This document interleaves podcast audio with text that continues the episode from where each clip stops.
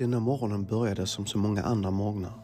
Jag satte mig i bilen och rullade mot mitt arbete i Osby. Men väl där, när dagen började gryna, såg jag ett rött sken lysa upp över horisonten. Nästan som om att skogen brann runt om hela byn.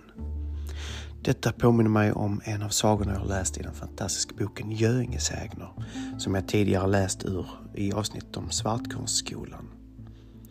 Jag vill därför läsa för er om den sista hedningen i Göinge.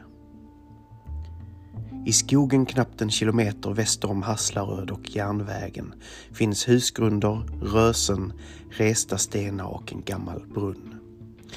Här låg på en kulle för mycket länge sedan Snogerups borg. Den siste hedningen i Göinge bodde på borgen och höll envist stånd mot de kristnas uppmaningar att han skulle låta döpa sig. Slutligen tog de kristna till vapen och försökte inta borgen.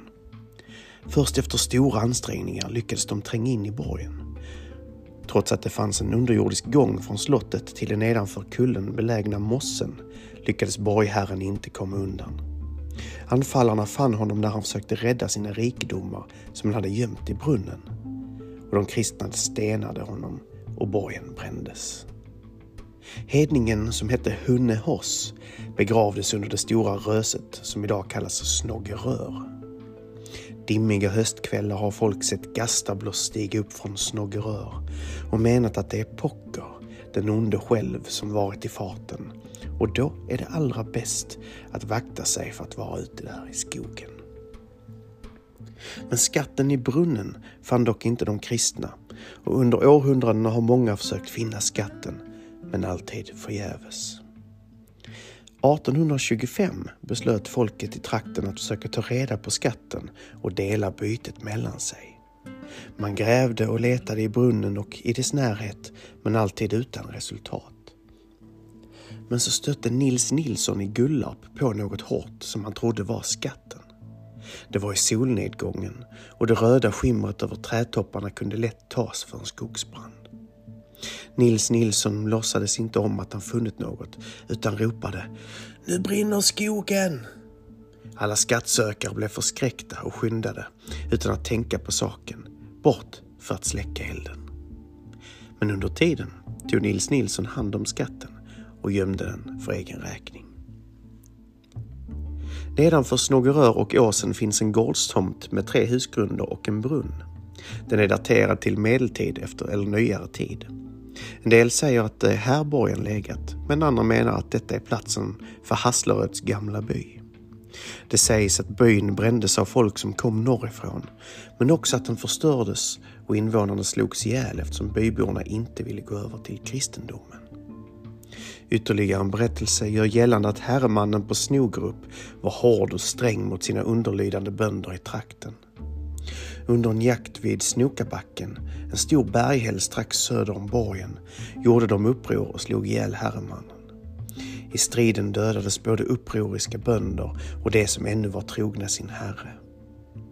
De begravdes i Snokabacken och förr sades det att det funnits 60 resta stenar här.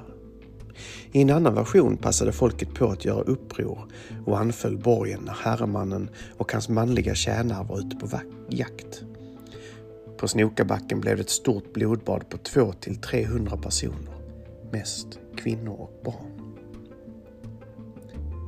Här har många lämningar efter mänsklig verksamhet givit upphov till ett helt sägenkomplex. Intressant att notera är att det finns många sägner om skattletare som lämnat den nyss funna skatten när de upptäckte att byn brann. När de kom fram till byn var det bara en synvilla och tillbaka vid skattgömman var skatten borta för gott. Det var draken som vaktade skatten som förvillade dem.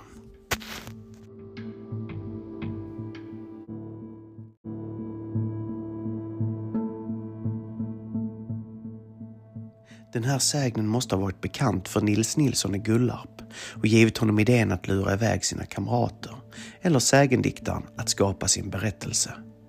I en annan version uppges att två bönder stannade kvar. De var bosatta på den nordligaste respektive den sydligaste gården i Hasslaröd.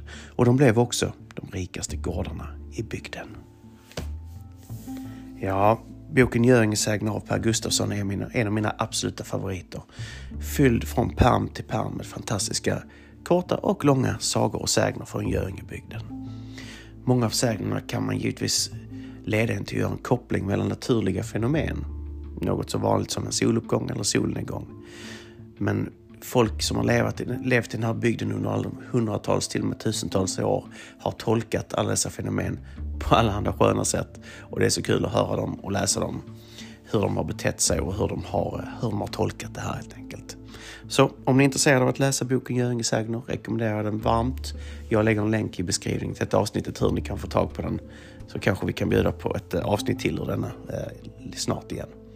Tack för att ni lyssnat på Folkpodden. Tack för att ni lyssnade på detta lite korta avsnitt. Så hörs vi kanske snart igen.